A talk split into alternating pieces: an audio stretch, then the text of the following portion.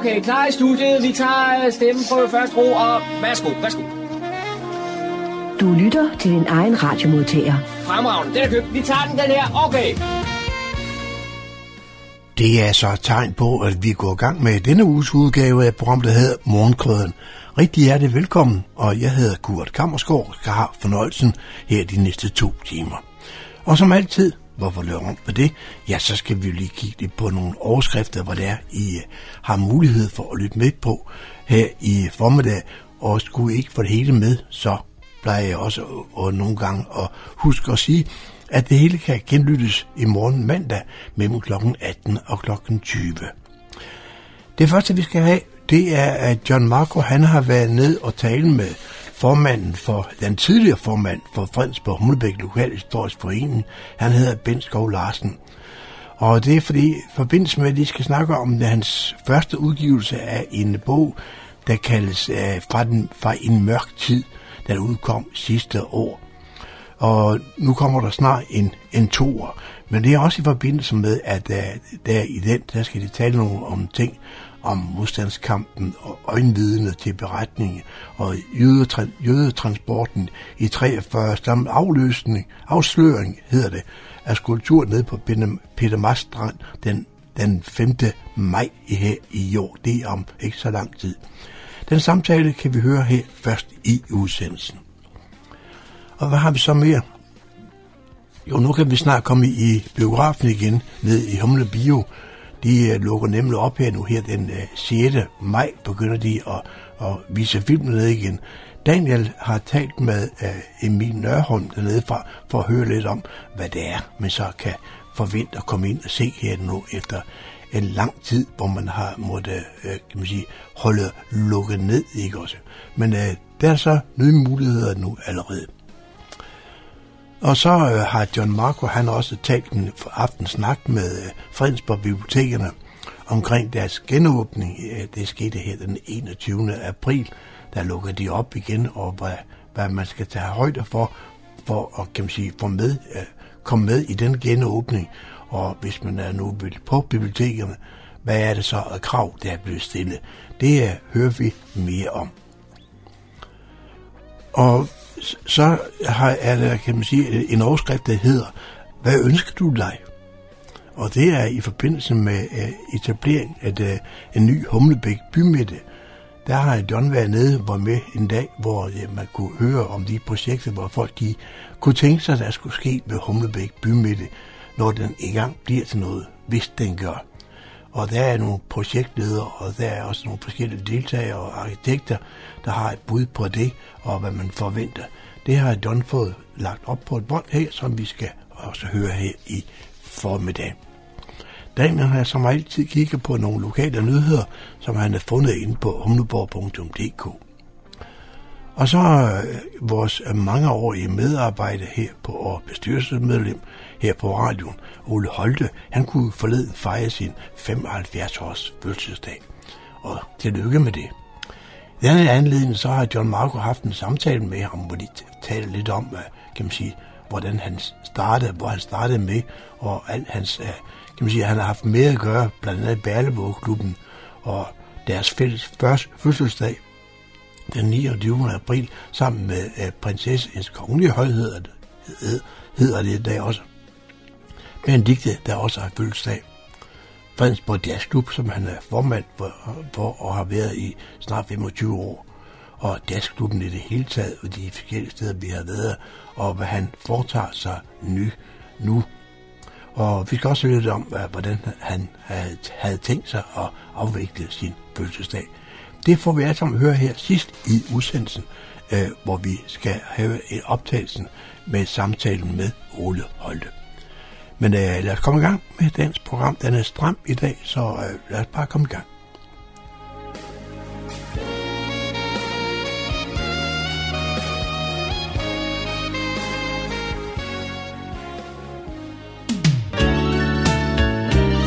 Du lytter til Morgenkrydderen. I studiet er det Kurt Kammerskov. Jeg er taget til Humlebæk, hvor jeg har en aftale med Ben Skov Larsen, tidligere formand i Fredensborg Humlebæk Lokalhistoriske Forening. Og jeg kan lige starte med, Bent, og sige, I har i årenes løb udgivet en hel del meget, meget, meget fine publikationer. Og i dag skal vi tale om en af disse publikationer, nemlig den, der hedder Fra en mørk tid, bind 1. Det var en publikation, der udkom i 2020. Hvad emne dækker den egentlig? Ja, den dækker jo øh, besættelsestiden, og øh, vi har jo med vilje skrevet, at det er besættelsestiden i Asminderød Grønhold Kommune. Og det er jo muligt, at der ikke er så forfærdeligt mange, der i dag ved, hvad Asminderød Grønhold Kommune er. Men det hed vores kommune under besættelsen. Øh, der var der Asminderød Grønhold Kommune, det var der som end frem til 1970.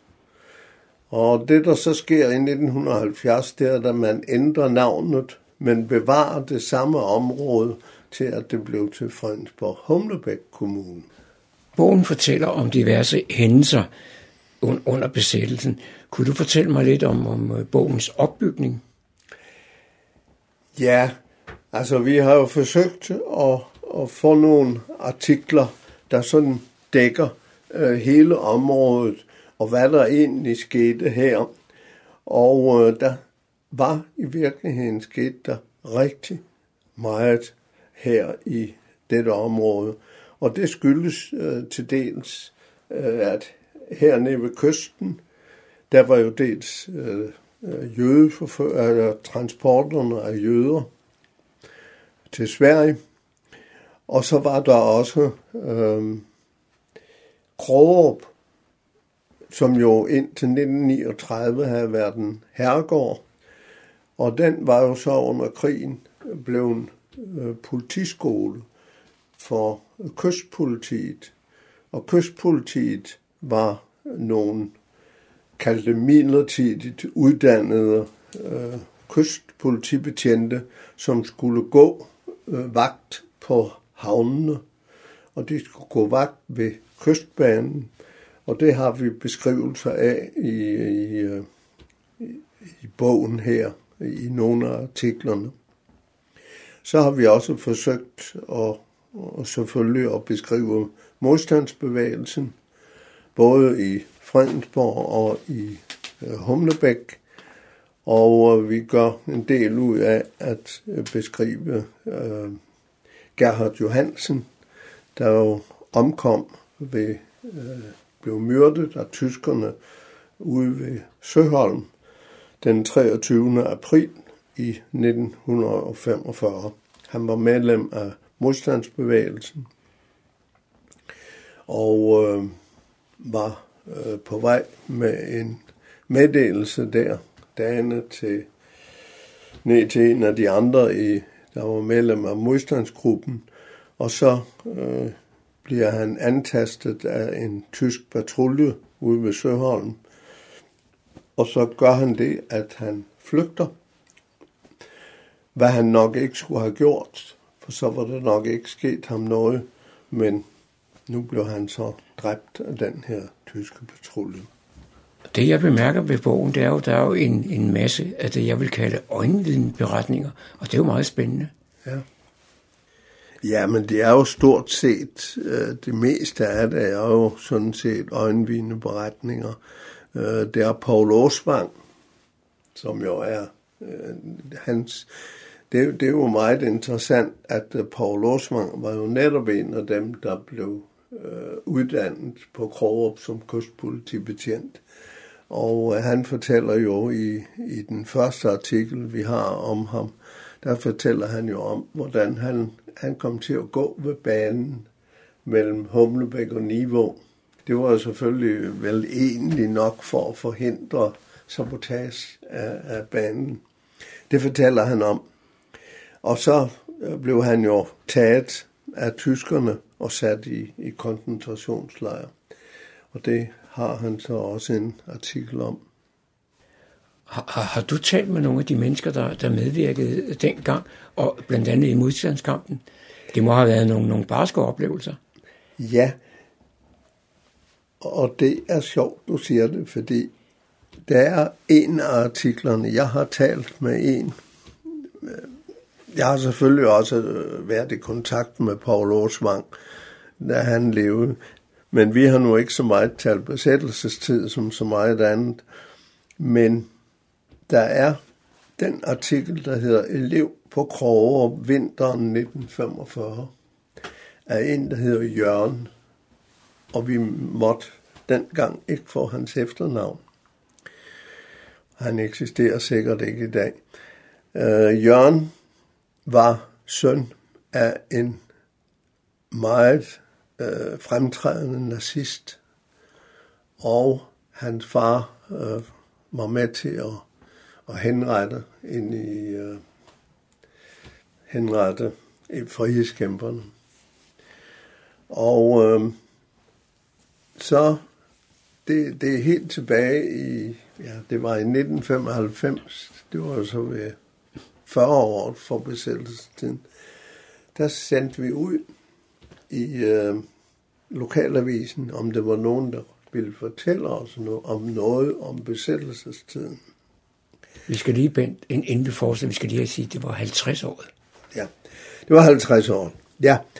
Nå, men øh, så øh, det satte vi som sagt i lokalavisen, og så fik jeg øh, øh, en opringning fra Jørgen der.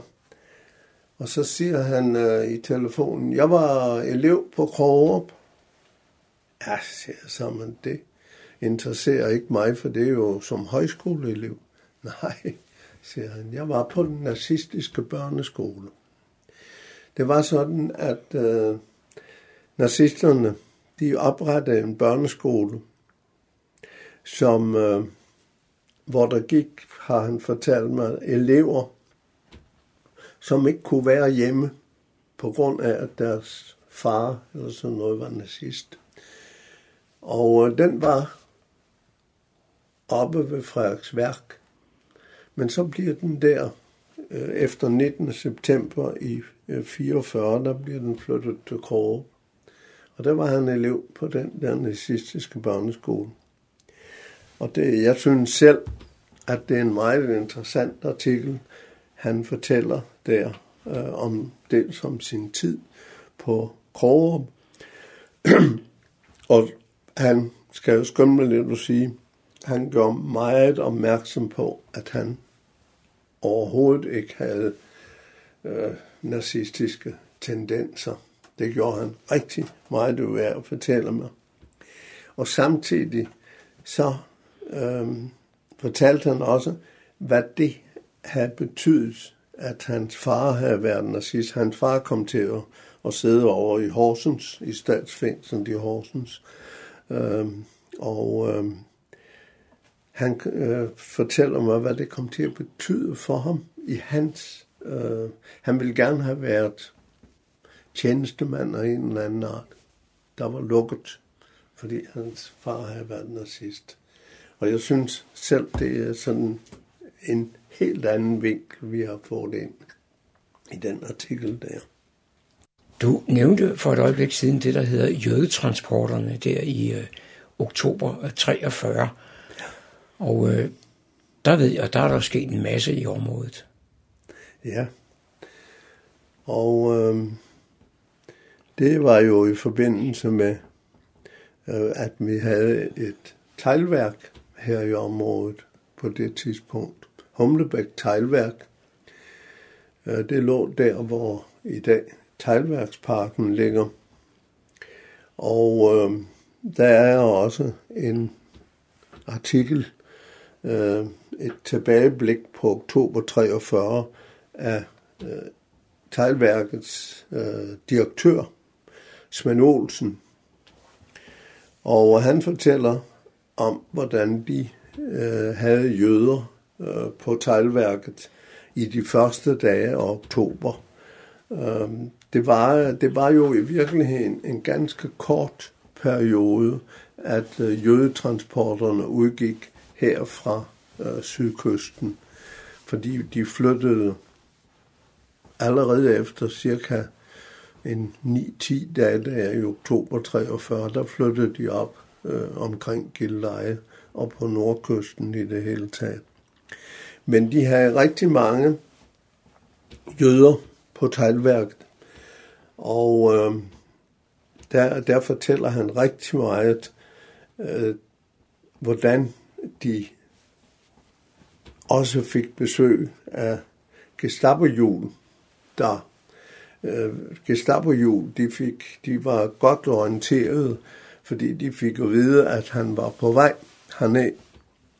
Og så gemmer de jøderne, de havde cirka 40 jøder oppe på øh, teglværket, så gemmer de dem ind i en tom teglværksovn, og så murer de den til, for at det ikke skulle se.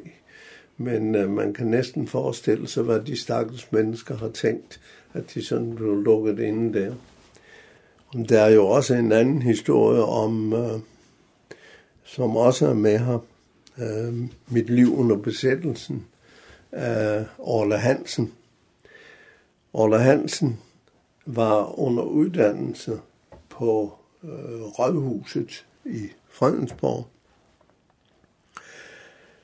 Og øh, han fortæller om, hvordan han en aften eller en eftermiddag var på vej hjem fra Rådhuset. Han havde været øh, med til op på Rådhuset og øh, fremstille øh, illegale øh, pas, ja. eller, ja, som man jo skulle bruge. Og der var en af de der, øh, der havde fået et af de der illegale pas. Han var blevet taget af øh, tyskerne, og under tortur havde han røbet, hvem der havde, hvor han havde det derfra. Og så beslutter Orla Hansen sig for at øh, tage over til Sverige. Og øh, han var på det tidspunkt var han samtidig i bestyrelsen for noget, eller for det, der hed Humbæk øh, Boldklub. Og de havde også øh, øh, jøder i boldklubbens klubhus. Og dem beslutter han sig så til at gå ned til øh, Niveau, fordi det var dernede de store udskibninger foregik ned fra teglværksmålen i Niveau. Og der går han så ned med jøderne, og så tager han selv med over. Og han kommer så øh, hjem øh, med øh, den 5. maj. Og han er øh, gået ind i øh, den danske brigade derovre. Og dem kommer han hjem sammen med. Så, så den har vi også med, med Orla Hansen. Når vi nu taler om disse transporter, så er der jo her den 5. maj i år, der sker der noget nede på Peder Mads Strand. Ja, det gør der.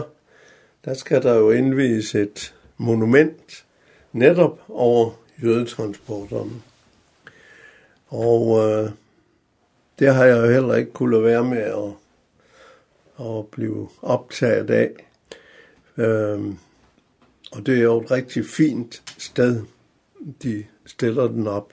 Men når man så læser i den pressemeddelelse, der er kommet ud her på det sidste, øh, så kan man i den læse, at øh, det var øh, mødested for, eller øh, at det fremgår, at det egentlig blev sejlet rigtig mange jøder over dernede fra. Og hvis der er noget, der ikke passer, så er det, at der blev sejlet jøder over derfra. De skriver også her, at øh, de danske frihedskæmpere havde mødested på Hotel Gylfe, og at det var gemmested for jøder i oktober 43, inden de blev sejlet fra Slettenhavn til Sverige. Og det er jo ikke rigtigt. Man turde bestemt ikke sejle fra havnene. Jeg har undersøgt det meget nøje, og jeg mener, at der blev sejlet en enkelt sejlads fra Slettenhavn. Noget helt andet er, at fiskerne deltog i sejladsen, men de sejlede ikke fra havnene. Som jeg startede med at sige, så udkom bogen fra en mørk tid, bind 1, i 2020. Og så erfarer jeg, at man her i 2021 vil, vil lave en bog, der hedder Fra en mørk tid bind 2.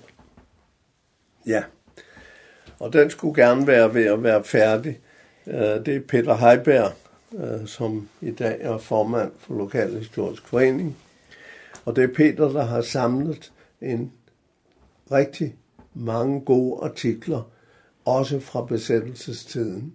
Og øh, det er også både fra, ligesom i Benet, er det både fra Fredensborg og Humlebæk, han har dem med. Og øh, jeg skal bare sådan nævne et, et, et øh, par stykker af dem. Og øh, der er blandt andet en øh, fra øh, her fra Humlebæk, øh, Anders Amstrup, som øh, også var op på Krogerup ved kystpolitiet, og han blev en af de første dage derefter, den 19. september, blev han taget af tyskerne og kom i, i koncentrationslejr. Og han satte sig efter han kom hjem, satte han sig til at skrive sine erindringer fra 1944-45, og dem har øh, vi bearbejdet, og øh, der er kommet, synes jeg selv, en rigtig god artikel ud af det, hvor han fortæller ret indgående om sin tid i koncentrationslejr. Jeg synes også, at øh, der fra den er værd at nævne øh, en artikel af, af Peter selv, Peter Heiberg, øh, hvor han øh, her for, ja det er imens herinde for nylig, at han har kommet i tak, øh, der henvender sig til ham nogle tyskere, som kom herop for at finde øh, gravstedet for en lille pige, som øh, omkom der, er deres, som omkom heroppe, og de havde fundet, øh, øh, Øh, de fandt hans gravsted ind på Vesterkirkegård, hvor der er rigtig mange flygtninge begravet. Og øh, så havde de fundet ud af, at hun vidste nok, eller familien var det jo, øh, de havde opholdt sig i Fredensborg. Og det har Peter så fundet ud af, at de opholdt sig for det, der øh, hed Jernbanehotel dengang. Det var John Marco, der havde produceret dette indslag. Så er det igen tid til at komme i biografen efter øh, corona-nedlukningen. Den lokale biograf Humle Bio starter op den 6. maj. Med på telefonen er biografchef, direktør Emil Nørholm. Og velkommen til Emil. Tak skal du have. Emil, det har været en lang nedlukning den her. Hvad har det betydet for Humle Bio? Jamen, det har betydet på den gode side, at der er kommet nyt lærred op, for eksempel. Ja. Det skal være et dejligt, klassisk mat-hvid lærred, der giver et perfekt billede hele vejen rundt, og ikke mere 3D. Det ser godt ud. Godt. Så er der selvfølgelig der ved, rens og gulvtæpper og alt det der kedelige, som egentlig bare foretager sig. Mm. Men øh, er, de, er de gode ting, så er det optimeret oplevelsen, når man kommer ned til film. Så er vi selvfølgelig øh, gjort klar til at kunne servere nogle nye drinks på terrassen og skiftet vores kaffemaskine ud og sådan kredset lidt for de små detaljer rundt omkring. Der er opgradering. Men, men det har jo også været lidt skidt, ikke? Ja, jo, men altså, det, hvorfor, tale, hvorfor snakke mere om det kedelige? Nu lukker vi op. nu lukker vi op. nu lukker vi op. Ikke? Og, og I fortsætter, hvor I slap? Ja, det, det gør vi jo faktisk lidt, ikke? Altså, nogle, der er faktisk nogle bookinger, der lå der dengang, som simpelthen har forsvundet helt. Men, men øh, helt sikkert, retfærdighedens rytter har heldigvis ventet med at komme på andre medier. Så den ligger klar. Og sammen går lille sommerfugl, og så har vi også den øh, amerikansk, nogen siger mere koreanske film, Minari. Mm. Om en koreansk familie, der flytter til USA for at få et liv, liv der. Den er faktisk slået druk utallige gange på forskellige festivaler rundt omkring, eller prisuddelinger, som bedste fremmedsproget film, men selvom den er amerikansk, men de tæller virkelig meget koreansk i den. Det er, det er en uh, strålende, strålende drama, man skal tage ned og nyde. Og det viser jo igen øh, bredden af filmtilbud i Humle Bio, det er, at, at der er simpelthen plads til det hele. Ikke? Altså både øh, de, de store øh, familiefilm ja. og også dramaerne og, og de sådan lidt mere skæve. Yes, helt ja. sikkert. Og der kommer, der kommer faktisk en ny film hver uge. Mm. Jeg husker rigtig ugen efter, så der er, er det faktisk den 20. Ammonite øh, med Kate Winslet, mm. som er jo aktuel for tiden på en anden serie. Men, øh, men øh, her har hun lavet et godt drama med arkeologer, og lidt kærlighed til den kvindelige assistent. Så skal vi se uh, Knudsen og Lydvisen for børnene. Ja, det er en animationsfilm, så vidt jeg Ja, har de orienteret. bliver spillet ud af den tunnel, de bor i, for der må altså kun køre tog i. Så skal de finde et sted at bo, men den enes bedste far er sørøver. Altså, kan det blive meget bedre end det? Så er der simpelthen er eventyr på, på lærredet. Det er der. Ja, og det er altså noget, der, der får folk i biografen, ikke? Det er sådan nogle øh, fantasy-animations-eventyr, ikke? Jo, jo. Vi samler også de Croods op igen, som lige nåede at gå en enkelt uge, før vi øh, lukkede ned. Og der kommer Operation Nordpolen, Ja, som øh, ulvehunden Chip, der så gerne vil være med i den der Nordpolspatrulje, Mm. og skal vise sit værd. Jamen, det er jo herligt, Emil. Der er fuldt program på i, i Humle Bio, og opgradering på lærredet og det Det hele. er der. Men, Ja. men man skal jo så øh, være lidt forberedt. Altså, man skal gjort sit hjemmearbejde for at få lov at komme ind. Ja, man skal købe sine billetter, ikke? Ja, Og man skal sige, at man godt vil se filmen og invitere sine venner med. ja. Og så sidder du og fisker efter noget covid-19, ikke? Det kommer ikke bag på så mange efterhånden, vel, at man skal sørge for at have sit coronapas øh, klar. I hvert fald indtil, øh, altså der kommer jo nye regler igen den 6. maj, ja. og vi har jo ikke kørt andet endnu. Mm. Så, så, så der, hvor vi slap som sidst, plus det der pas. Og så øh, sørger I for, at der er afstand øh, imellem folk på, øh, Lig, på lægterne. ligesom sidst. Ligesom sidst, Mm. mm. ja. Ja. Så det er helt det samme, der kører. Kan I sådan på nuværende tidspunkt godt fornemme, at folk de øh, hungrer efter at komme i biffen? Der, altså, der er sket lidt aktivitet på hjemmesiden, kan man se, og der er nogen, der har købt nogle billetter og sådan noget. Så der, oh, ja, Og ens øh, indbakke i mailen, mailen vokser ja. voldsomt hver dag. Det er Ja. helt, helt mærkeligt. ja. Også dejligt. Så du skal til at lave noget, noget, Ja. rigtigt filmarbejde nu. Ja, ja. Ja. Spørgsmål til gamle gavekort og bookinger, fødselsdage og særarrangementer og firmavisninger, så det kører stille og roligt allerede, ikke?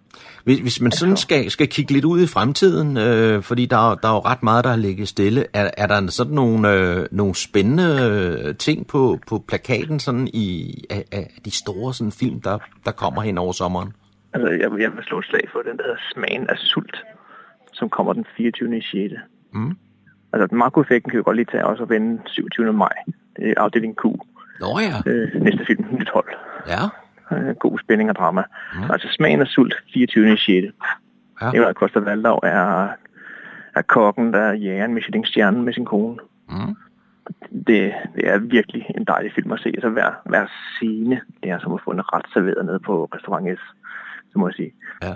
Og det er jo øh, det, det er jo noget, som vi godt kan lide her i, i Ja. Danmark. Det er jo dels sådan noget gourmet-restaurant Ja, og øh, Ja, den er virkelig, Celine virkelig god og virkelig rørende. Mm. Altså, jeg, jeg er glad for, at jeg har taget til en lukket visning, for jeg græder helt meget ud af biografen. så helt klart en rørende film, og virkelig, virkelig godt lavet af Herbo. Jamen, det er der noget at se frem til. Ja, det er der. Jamen, øh, Emil, jeg synes, det er, øh, det er sådan ordene om øh, den kommende tid i Humleby. Ja. Du lytter til morgenkrydderen. Jeg sidder her ved min telefon og har fået kontakt med Carsten Andersen fra Fredensborg Bibliotekerne. Og Carsten, I har udsendt en pressemeddelelse om, at øh, Fredensborg Bibliotekerne åbnede, genåbnede igen den 21. april. Ja, det er rigtigt. Øh, vi lukkede jo ned i december, ligesom resten af samfundet, øh, på grund af corona. Men øh, den 21. Øh, april fik bibliotekerne lov til at åbne igen, så det gjorde vi. Så nu kan man komme ind på, på biblioteket som normalt, men øh, det kræver så bare, at man kan fremvise et coronapas. Og, og før pandemien, der kunne man komme på Fredensborg og Humlebæk Bibliotek på samtlige helligdage, men sådan ser det ikke ud nu. Nej. Øh, indtil videre så er der ikke noget, der hedder det, vi kalder selvbetjent bibliotek, hvor man selv kan lukke sig ind. Øh, og det er fordi, så kan man jo ikke tjekke folks coronapas.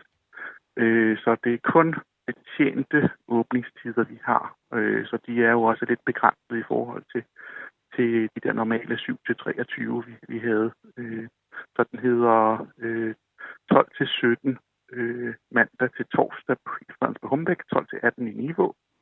Og så er Niveau åben om fredagen 18, og øh, alle tre biblioteker er åbne om lørdagen 10-13. Men det, du har sagt her, der, der betyder det, at man ikke kan benytte biblioteket på helligdage. Det er rigtigt, ja, det kan man ikke. Som jeg sagde, så, så skal man have coronapas for at komme ind på selve biblioteket, men man, der er faktisk en mulighed for, at man kan bare aflevere øh, sine lån og hente reserverede øh, bøger uden coronapas. så kommer man ikke hele vejen ind på biblioteket, men, men det er sådan lige ved indgangen, så kan man lige øh, foretage sig det, det allermest basale uden coronapas. Fredensborg Bibliotekerne har også udsendt en øh, meddelelse om, at nu kan man aflevere sine gamle biblioteksbøger. Men fra ja. den 17. maj, der begynder det at koste igen. Ja. Øh, under hele vores coronanedlukning, så har vi jo suspenderet alt det, der hedder gebyrer eller bøder, for, når man afleverer for sent.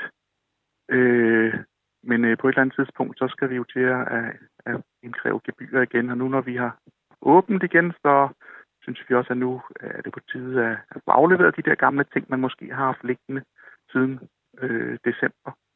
Øh, og det vil være en rigtig god idé at gøre det øh, inden den 17. maj, fordi efter den tid, så, så ryger der gebyrer på, eller bøder. Samtidig med, at de her gebyrer vender tilbage, der vil man ikke længere have et ubegrænset antal fornyelser. Ja, det er også rigtigt. Vi har i den her periode, hvor vi har lukket, der har vi øh, der har man kunne forny lige så mange gange, man havde lyst til. Øh, også fordi man kunne jo heller ikke aflevere.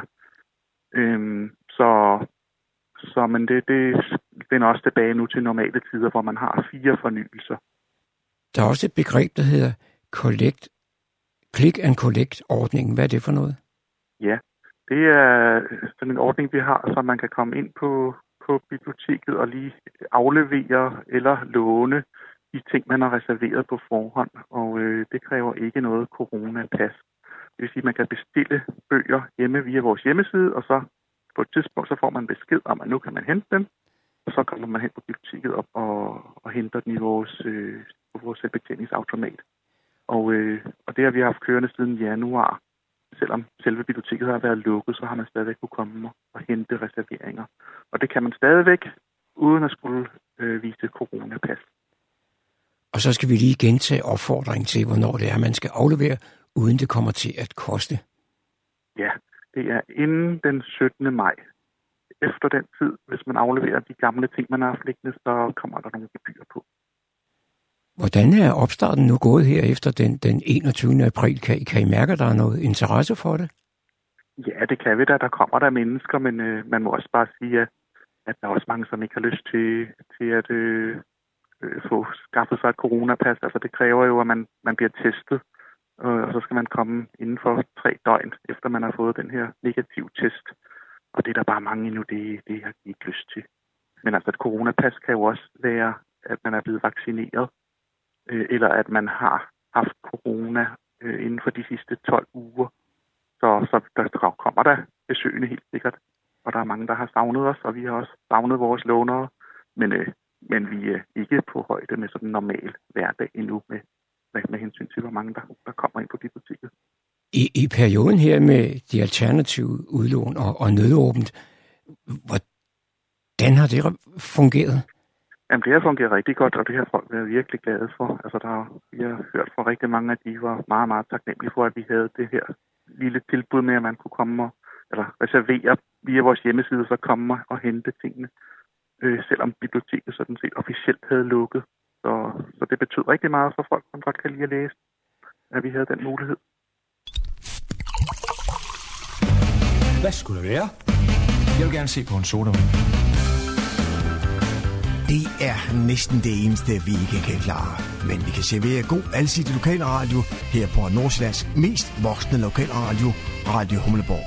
Så må det ikke også, der skulle være noget for dig. Jeg vil gerne have en pakket ind. Det er fredag eftermiddag den 23. april. Jeg står her ved Kulturstationen ved det gamle posthus i Humlebæk. Og så møder jeg Eva fra kommunen. Eva, hvad er det, der foregår her i dag? I dag der skal vi snakke om udviklingen af Humlebæk Bymidte. Vi har inviteret bredt til alle borgere om at komme op her ved Kulturstationen, og så øh, fortæller vi om, hvor langt vi er med arbejde, og vi vil rigtig gerne have input jo til, hvad skal øh, den her bymidte indeholde? Hvad er det for nogle kvaliteter, der skal være? Nu siger du, hvor langt I er kommet med arbejdet. Hvor længe har I arbejdet på det? Altså, det er jo en meget lang proces. Man kan sige, først der var der jo... Øh, havde vi visionsprojektet, og det projekt, vi står med nu, den strategiske helhedsplan for Humlebæk Bymidten, den står på, kan man sige, fundamentet af, af det her visionsoplæg. Selve det her projekt med at lave den øh, udviklingsplanen. Det er startet i efteråret, sensommer efteråret 2020. Vi ville gerne have været i gang i foråret, men der var jo ligesom noget, der kom og stoppede processen lidt. Men nu er vi i gang. Kan du nævne nogle af de ting, som I allerede har på, på beding? Altså, øh, det handler jo om øh, Humlebæk bymidte, som jo både ligger på den østlige og den vestlige side af kystbanen. Så her på den vestlige side, der handler det jo i høj grad om, om det her, vi i dag kalder kulturstationen. Skal der være et, et kulturhus fortsat? Det handler om modernisering af Humlebæk Center, og det handler om, øh, skal der fortættes med boliger herover? Skal der laves et, et, øh, nogle nye boliger, som måske henvender sig også til nogle andre målgrupper? Over på den østlige side, der handler det jo meget om at øh, parkrummet, øh, vores bypark. Hvad kan den? Øh, og hvordan, hvad kan vi lave af kvaliteter derovre, som også bakker op omkring det detaljhandel, der er derovre? Nu siger du, at det drejer sig om at få nogle input i dag. Men jeg går ud fra, at hvis processen har kørt i en periode, så må der allerede være kommet nogle input. Ja, det er der. Øh, den første del, altså i efteråret 20, der har vi jo også haft en, en øh, borgerinddragelse med alle borgere, men vi har, kører jo selvfølgelig også en seance med, med de kerneinteressenter, altså dem, der ejer, dem, der grundejer i hele by, øh, Humlebæk bymidte. Vi kører så også det, vi kalder med kulturbærerne, altså dem, der bor lever her, dem, der arbejder her, dem, der skaber de her kulturelle tilbud, altså for, for eksempel øh, foreningen her i Kulturstationen med biblioteket, med dagcenter, øh, frivilligcenter osv. Så ja, vi har fået masser af input. Hvad er tidshorisonten for dette projekt? Ja, øh, vi holder jo et, øh, et borgermøde, en event, et eller andet den 9. september. Øh, og hvordan det bliver afviklet, det ved vi ikke endnu. Øh, og, så øh, skal, og der kan vi præsentere et forslag til en helhedsplan. Den for helhedsplan, den skal politikerne så øh, beslutte, eller se om de vil vedtage, ikke? til oktober. Det vil sige, det er noget ud i fremtiden, der sker, inden der sker noget. Sådan er det jo med sådan nogle udviklingsprojekter. Det, øh, det tager tid fra, at man ligesom begynder at, at arbejde ind på, hvad er det, og få alle ønsker på øh, ligesom konkretiseret til noget. Øh, og så derfra til, at vi har en udviklingsplan, så vil der jo igen tage noget tid, før man ligesom ser, at der er noget fysisk. Øh, der skal jo laves en lokalplan på området, øh, så det, det går lidt tid, men øh, vi arbejder og stadig fremad. Så har I gået og sat nogle plancher op? Ja, det er for ligesom at vise, hvor, hvor langt vi er. Der er dels det her med altså de, øh, de input, vi har fået nu, hvordan er, er, har vi lavet en plan ud fra det, ikke? og de politiske beslutninger, der så er truffet på nuværende tidspunkt, så har vi, hvor vi gerne vil øh, høre noget, få nogle input til et kulturhus. Hvad skal et kulturhus kunne? Hvad er det, der skal gøre, at folk har lyst til at benytte et kulturhus? Øh, og hvor stort skal det være? Hvad skal det indeholde? Det er blandt andet noget af det, og det har vi jo så også for det byrum, vi taler om. Et byrum her er centralt, hvor kulturhusets aktiviteter, øh, centerets aktiviteter øh, og øh, stationen med folk, der kommer ud og ind, pendlerne, øh, skal, hvordan skal et byrum være for, at det er, er interessant og der, der skabes byliv? Så står jeg sammen med foranværende skolelærer Ben Skov Larsen og foranværende formand for Fredensborg Humlebæk Lokalhistoriske Forening. Og Bent, du møder op her i dag. Hvor, hvorfor gør du det? Ja, fordi jeg er nysgerrig og hører, hvad der er, der skal ske hernede.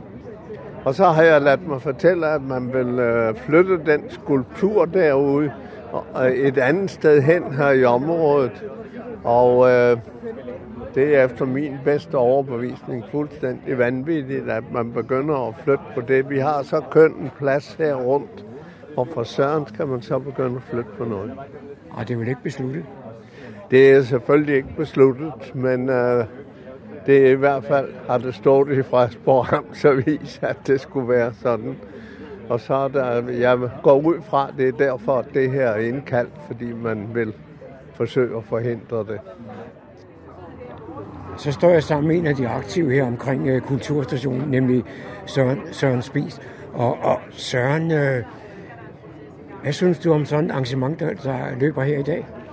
Jeg synes jo, det er herligt, at, øh, at borgerne bliver inddraget. Jeg ved, der er nogen, der mener, at det bare er for at, og få afløb, for vi kan snakke, så gør det, som de plejer. Men jeg tror vidderligt på, at det her er en mulighed for, at vi kan tale os frem til en løsning. Fordi der er, man skal ikke se meget på Facebook, før man kan se, at det er noget, der får, får hjerterne i kog. Fordi nogen, for nogle er det naturen, der er vigtig, for nogle er det byggehøjde, for nogle er det det liv, man kan skabe i et byrum. Så jeg synes, det er meget vigtigt, at, at vi snakker os frem til det her, så det bliver vores allesammens bycentrum, i stedet for at, at en af fløjene får lov at løbe med det hele. Så jeg synes, det er meget vigtigt med debatten. Og det er dejligt at, at møde folk, til, folk ansigt til ansigt, i stedet for at det er, er Facebook med, med alt, hvad det indebærer af, af hård tone og, og afstand. Så jeg synes, det er helt genialt, at, at vi bliver inddraget. Og så går jeg ud fra, at du selv har kommet med dit besøg med, hvad byrummet kan bruges til. Jamen, jeg synes jo først, det er nu, det begynder, fordi øh, i mit hoved, så var de tre oplæg, small, medium og large, der kom i starten, det var mere en, øh, et debatoplæg for, hvor meget vil vi rykke. Så, så det er jo nu, vi skal til at finde ud af, jamen, vil vi bevare supermarkederne? Vil vi grave øh, p-kælderen ned? Vil vi have den i, i øh, fem etagers højde? Hvad vil vi? Så det er først nu, det begynder at blive sjovt. Hidtil har det kun været noget, vi leger, og nu begynder det at blive, om ikke alvor, så i hvert fald øh, de rigtige beslutninger, der skal tages. Så, øh, så jeg har ikke den færdige tegning, men jeg, jeg spiller gerne ind med, med min egen erfaring for, hvad, man, hvad et kulturhus skal kunne, for at gøre det let og, og, og skabe liv i en by. Så møder jeg en af de kendte ansigter her i Humlebæk, nemlig Erik, Erik Nielsen. Erik, øh, hvad er det, der foregår? Ja, det er jo øh, en forsamling, der skal diskutere øh, bymidten her og den nye kulturstation, hvordan den skal placeres. Og jeg var hernede i går og snakkede med Vibeke Overbæk, og hun fortalte, det vidste jeg desværre ikke i forvejen, at man vil flytte skulpturen og nedlægge rundkørslen og kulturhuset skal rave helt over til den der græsplæne. Og jeg har aldrig hørt noget så sindssygt. Altså, det, det er jo en, en dejlig plads. Og nu bor jeg over i øh, andelslejligheden der. Jeg er lige flyttet ind og kigger ned og ser folk, de sidder på bænkene rundt omkring og går til toget og går ud igen. Hvis, hvis de nedlægger busholdepladsen der, og et sted dernede af, så kan folk jo ikke nå at komme til toget, hvis de er lidt sent på den. Og de kan ikke se stationen, og de kan ikke se Per Kirkebys skulptur, fordi så rager kulturhuset ud. Jeg, jeg, jeg synes altså, det er gak. Det må jeg sige. Og altså det, jeg hørte om det, hvis det har sin rigtighed, så siger hvem finder på sådan noget? Så træffer jeg Jakob, Jakob Madsen. Og Jakob, hvor er det, du kommer fra? kommer fra Holtje Nordberg Arkitekter, og vi er rådgiver for kommunen på den her helhedsplan. Og det vil sige, I har allerede planer for, hvordan det kunne komme til at se ud? Ja, vi har, vi har de planer, man kigger på, som jo er et, øh, det politikerne har været med til at bestemme, øh, som er et valg mellem tre forskellige scenarier, som går på tæthed, et small, et medium og et large. Og der har politikerne peget på det, der hedder medium, som det udgangspunkt, øh, vi arbejder videre med i den fase, vi går i gang med nu. Og hvad er din rolle i det? Jamen, jeg er sådan set øh, projektleder for det, for det samlede rådgiverteam, som jo består af nogle underrådgivere øh, via Trafik, som har med trafik at gøre, og Realize, som øh, skal kigge på den øh, finansielle del af byen, altså sørge for, at vi får tegnet en plan, som rent faktisk kan finansieres og realistisk kan blive til noget. Og så øh, Line fra kommunen, som øh, er god til det her med, med kommunikation og inddragelse, som er med til at sætte nogle af de møder op, som vi står til i dag. Og fornemmer du, at folk, der møder op her i dag, de er interesseret i projekterne? Ja, det, det synes jeg bestemt, de er. Øh, der er en lyst til at høre om, øh, hvad der skal ske. Du er stillet ind på Nordsjællands voksne musikstation, frekvens 104,3 MHz, Radio Humleborg. Så er det igen gået hen og blevet tid til lokale nyheder, der er hentet fra humleborg.dk. Jeg er Daniel Jørgensen. Nivogårds malerisamling har modtaget en gave skænket af Torben Hage, som er efterkommer af Johannes Hage, der var med til at starte Nivogårds malerisamling. Man er meget taknemmelig på museet over denne gave, som nu indgår som en væsentlig del af samlingen af Hage-portrætter. Torben Hage udtaler, Maleriet af min tipoldefar kunne ikke have mere naturligt hjemme end på Nivogårds malerisamling, sammen med de øvrige familieportrætter. Det var en stor glæde, at det nu kan være til gavn for flere i museets formidling af kulturhistorien omkring Johannes Hage og familien. Maleriet er udført i 1876, fire år efter Alfred Hages død, og er malet efter et fotografi fra 1860'erne. Det er formodentlig sønnen Alfred, der har bestilt portrættet hos maleren Værmeren. Alfred Hage Jr. havde arvet Ormands gård på Sydsjælland efter farens død i 1872, og det var her til han bestilte et portræt af sin far. Frederik Wermemands portræt, Alfred Hage, kan opleves i den aktuelle udstilling En skønsom blanding, sammen med værker fra museets samling, der sjældent hænger fremme. Udstillingen vises frem til den 27. juni. I år er ikke noget almindeligt år, og derfor har Cyklistforbundet tilpasset sin store årlige kollegakampagne Vi cykler til arbejde til hjemmekontoret og udvidet med to ekstra ugers cykling i september. Flere afdelinger i Fredensborg Kommune er tilmeldt kampagnen, der løber her i maj måned. Cyklistforbundet har i år taget bestik af situationen og hjælper de mange danskere, der har arbejdet hjemmefra i månedsvis, med alligevel at kunne deltage i den store cykelevent, vi cykler til arbejde. Fredensborg Kommune deltager med flere hold, blandt andet Team Gode Ben. Det samme gælder for medarbejdere ved skoler og institutioner. Humlebæk Skole stiller med et hold, de kalder for Lærerne i Bevægelse, og Blå Kors Humlebæk stiller op med holdet Blå Cross. I kampagnen tilmelder man sig et hold på 2-16 kollegaer og dyster om flest dage på cyklen. Og som noget nyt i år har Cyklistforbundet så udvidet kampagnen med en to ugers minikampagne til september. Tilmelder man sig til maj-kampagnen, får man september med oven i købet. Fra cykling skal vi til løb. Lørdag den 8. maj kl. 10 byder borgmester Thomas Lykke Pedersen og Kokkedal Løbeklub velkommen til årets Kokkedal-etappe af Tour de Fredensborg. Hele familien er velkommen, og man vælger selv, om man vil gå eller løbe en rute på enten 3,5 eller 5 km. Er du frisk på en længere tur, kan du løbe 5 km ruten to gange. Der er medaljer, vand og frugt til alle deltagere. Startermål er på banen bag Egedalshallen på Holmegårdsvej 3 i Kokkedal. Der er mulighed for parkering og toiletbesøg. Kom gerne og træn med Kokkedal Løbeklub inden løbet. Se mere på www.kokkedal-loobeklub.dk Det er gratis at deltage, men på grund af coronasituationen er tilmelding til dette løb nødvendigt. Løbet kan med kort varsel blive ændret til et vi løber går sammen hver for sig tur på grund af eventuelle aktuelle coronarestriktioner. Der er tilmelding til arrangementet via fredensborg.dk. Det var, hvad vi havde fundet frem af lokale nyheder og informationer for denne gang. De var hentet fra humleborg.dk. Jeg er Daniel Jørgensen.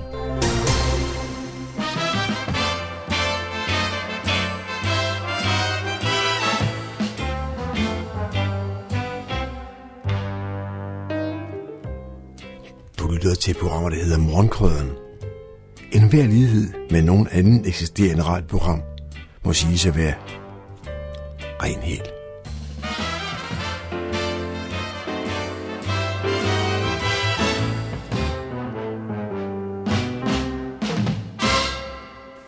Jeg er taget til Snækkersten for at få en snak med Ole Holte. Og Ole, kunne du lige fortælle lidt om øh, din opvækst, uddannelse og jobs? Ja, det kan jeg jo sagtens gøre. Jeg er født og opvokset i Virum, inden øh, jeg blev gift i 1968. Men der var jeg forinden blevet uddannet på Rådhuset i, i, i Lyngby, i skatforvaltningen. Og jeg, jeg blev faktisk i skattevæsenet i, i 48 år, indtil jeg sluttede min, min karriere øh, i Fredensborg Kommune, eller Fredensborg Humlebæk Kommune som skattechef. Anledningen til, at, at du og jeg mødes netop nu, det er, at du her i april måned fylder 75 år. Men der er også en anden person, som vi kender, der øh, har fødselsdag samme dag som dig. Hvem er det nu? Jamen, det er jo i relation til, til Berlebur. Og det, det er jo en, en forening, jeg har haft meget med at gøre, at være formand for i 25 år. Og det er samarbejdet mellem Fredensborg og, og Berleburg nede i Tyskland. Og det er selvfølgelig hendes kongelige højhed, prinsesse Benedikte. Vi har fødselsdag samme dag, 29. april. prinsessen er godt nok to år ældre end, end mig, men øh, jeg sagde til hende på et tidspunkt, jeg har altid været så glad for dem som barn. Fordi, øh, nå, hvorfor det, siger hun så. Ja, siger fordi der er jo altid flag alle steder på, på min fødselsdag, fordi, men det er på grund af dem. Ej, hvor morsomt, siger hun så. Så, så det har jo gjort, at vi har udvekslet øh, fødselsdagshilsner øh, gennem årene. Og øh, for fem år siden, der fik jeg et fint personligt brev fra, fra prinsesse Benedikte i anledning af min 70-års fødselsdag. Det passer jo meget fint ind i min disposition, for det næste punkt, jeg har, det er Berleborg-klubben, hvor du har været formand i rigtig mange år. Hvad er, hvad er Berleborg-klubben egentlig for noget? Jamen, det er jo en venskabsforening, som blev startet tilbage i 1968 i kølvandet på netop øh, prinsesse Benediktes bryllup med prins Richard.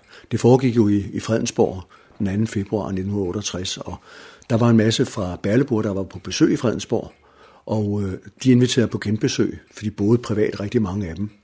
Og så var man øh, dengang en delegation i Berleborg i sommeren 68, og man faldt faktisk så godt i hak med hinanden, at man fandt ud af, at der var basis for at etablere sådan en form for et venskabsby-samarbejde.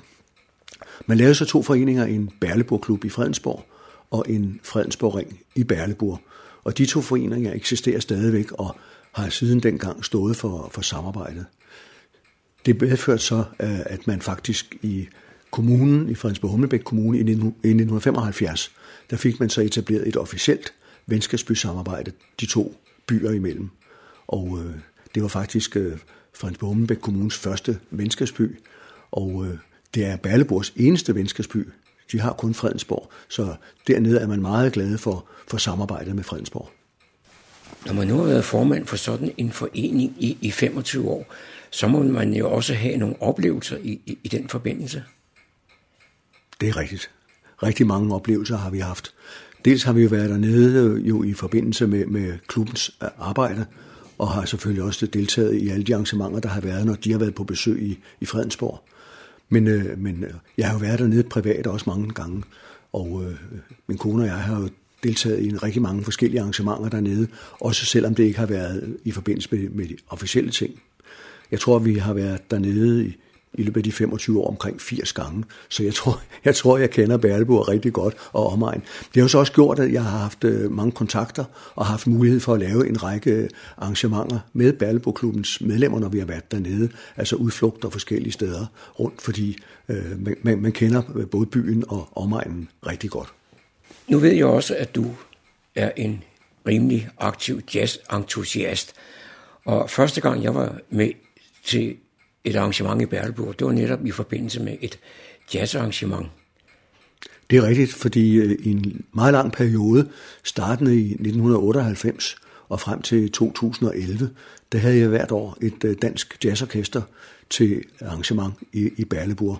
Det kom så faktisk af, at turistchefen øh, kom jeg i snak med dernede, hvor der var noget jazz, og så fandt han ud af, at jeg faktisk havde øh, en del kontakt til dansk jazz som formand for Fredensborg Jazzklub. Og så siger han, oh, kan, du ikke, øh, kunne du ikke skaffe os et dansk jazzorkester hvert år, fordi det vil jo ligesom være en eller anden relation til vores venskabsby. Selvom det ikke er fra Fredensborg, musikerne kommer, så er det dog Danmark i hvert fald. Og det blev så faktisk aftalen, og øh, det startede med, med, med øh, vi havde New Orleans Delight dernede i, i 1998. Og faktisk var det så sjovt, at øh, samtidig havde, var Berleborg-klubben dernede i en anden anledning, så vi øh, blev inviteret på slottet på besøg hos prinsesse Benedikte, og der havde vi jazzorkester med op at spille i haven. Det var, det var rigtig festligt. Du nævnte lige Fredensborg Jazzklub. Hvor længe har du egentlig været formand for det? Ja, siden vi genstartede jazzklubben, der har været en jazzklub tilbage øh, i, i 60'erne og 70'erne, har jeg forstået. Det var før jeg kom til byen. Men, øh, men i, øh, i, i 96, der startede vi jazzklubben op i den gamle biograf.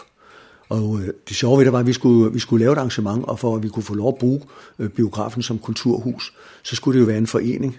Og vi havde jo ligesom ikke rigtig nogen jazzklub. Men vi havde en radiostøtteforening, der hed Lyden, øh, som øh, er jo Radio Humleborgs øh, støtteforening. Og øh, den har til formål at lave arrangementer til fordel for radioen. Så det lå lige til højre benet at bruge øh, støtteforeningen som jazzklub. Og det gør vi faktisk den dag i dag. Og i den øh, jazzklub fra 96, ja, det betyder jo faktisk, at jeg i, i år har 25 års jubilæum som formand i jazzklubben. Fredensborg Jazzklub har holdt til forskellige steder, og arrangementerne de har udviklet sig gennem årene. Ja, vi startede, som jeg sagde før, nede i den gamle biograf i Fredensborg, og øh, det gjorde vi frem til 2008, tror jeg, hvor, hvor vi så flyttede på Asmenrød Kro.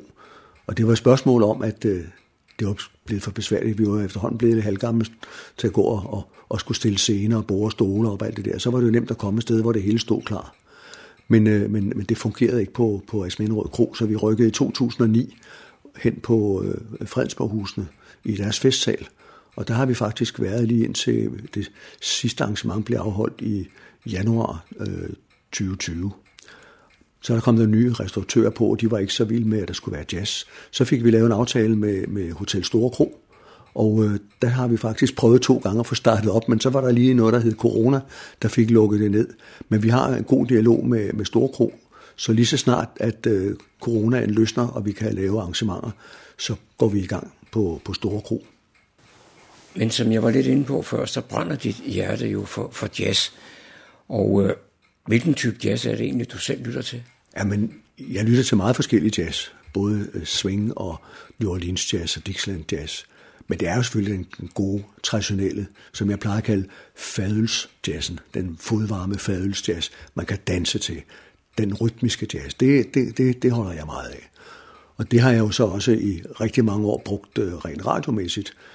Øh, jeg startede med at lave lokalradio helt tilbage i 1986, og, uh, og gør det stadigvæk jo i Fredensborg på Humleborg og på, på Jazzkanalen. Nu efter du er blevet pensioneret, der er du også tilladt dig at kalde dig selv for jazzmanager. Og du arrangerer jo en hulens masse ture, når der ikke er corona selvfølgelig. Og så er du også meget behjælpelig, når de forskellige orkestre de har et arrangement.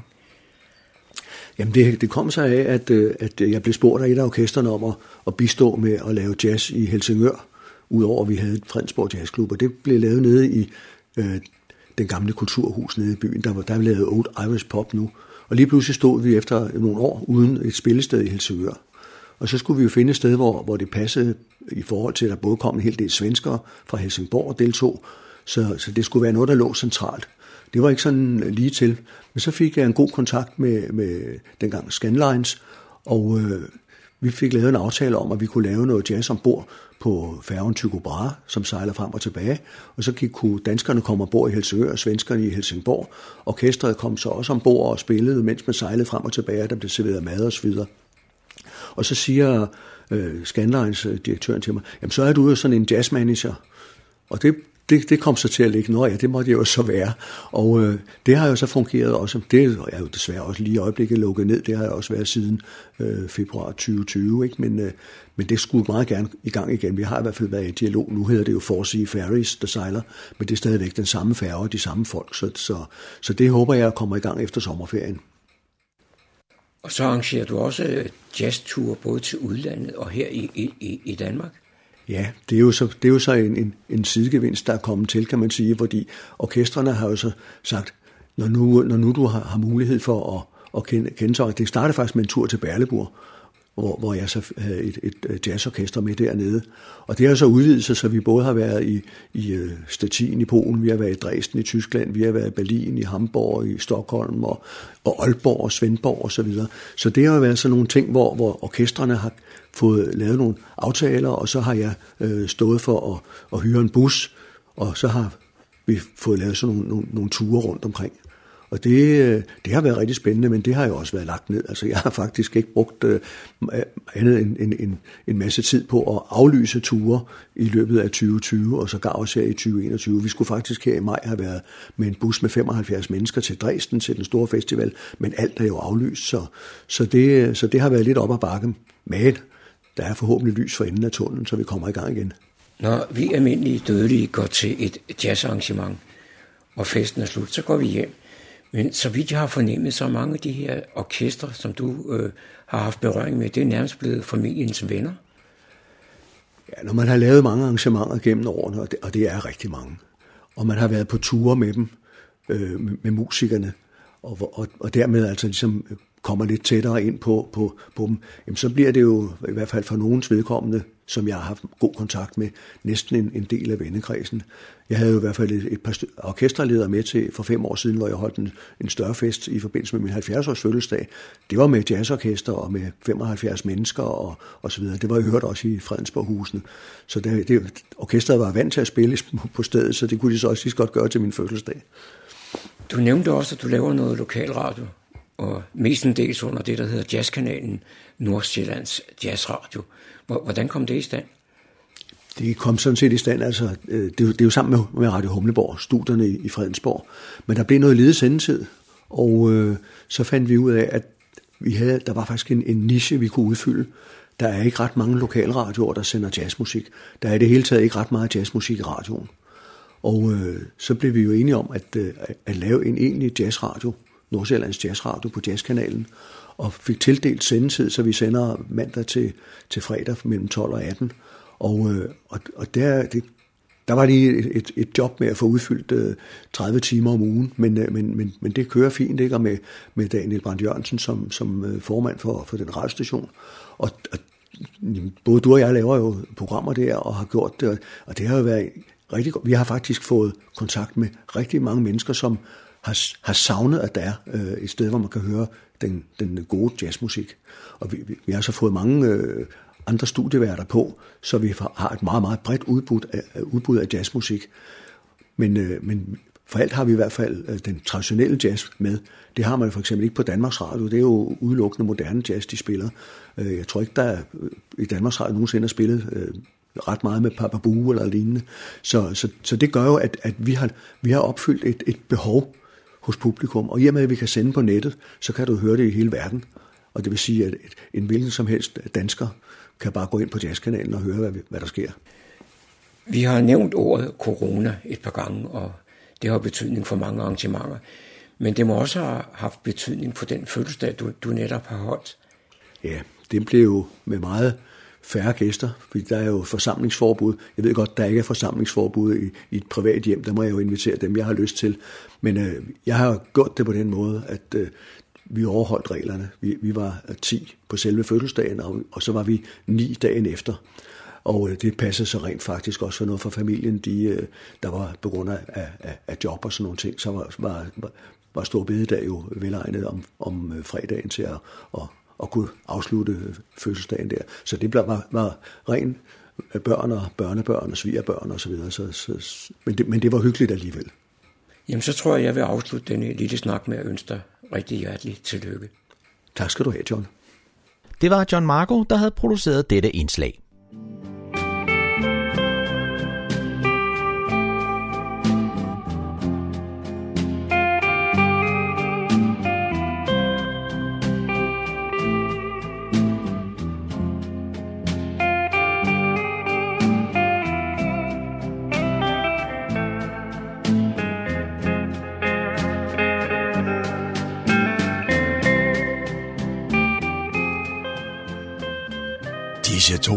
Fortæller os, at vi er nået til afslutningen på denne uges udgave af programmet, der hedder Morgenkrøden. Her fra redaktionen, som består af undertegnet, jeg hedder Kurt Kammersgaard. Ja, der siger jeg tak for nu, og på genhør en anden god gang.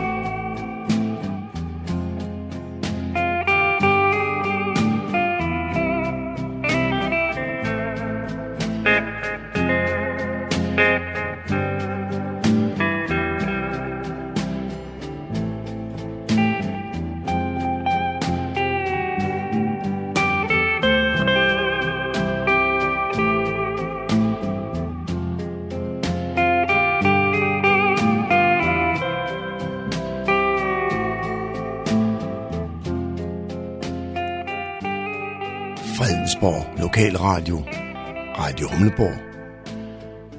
Nordsjællands mest voksne lokalradio.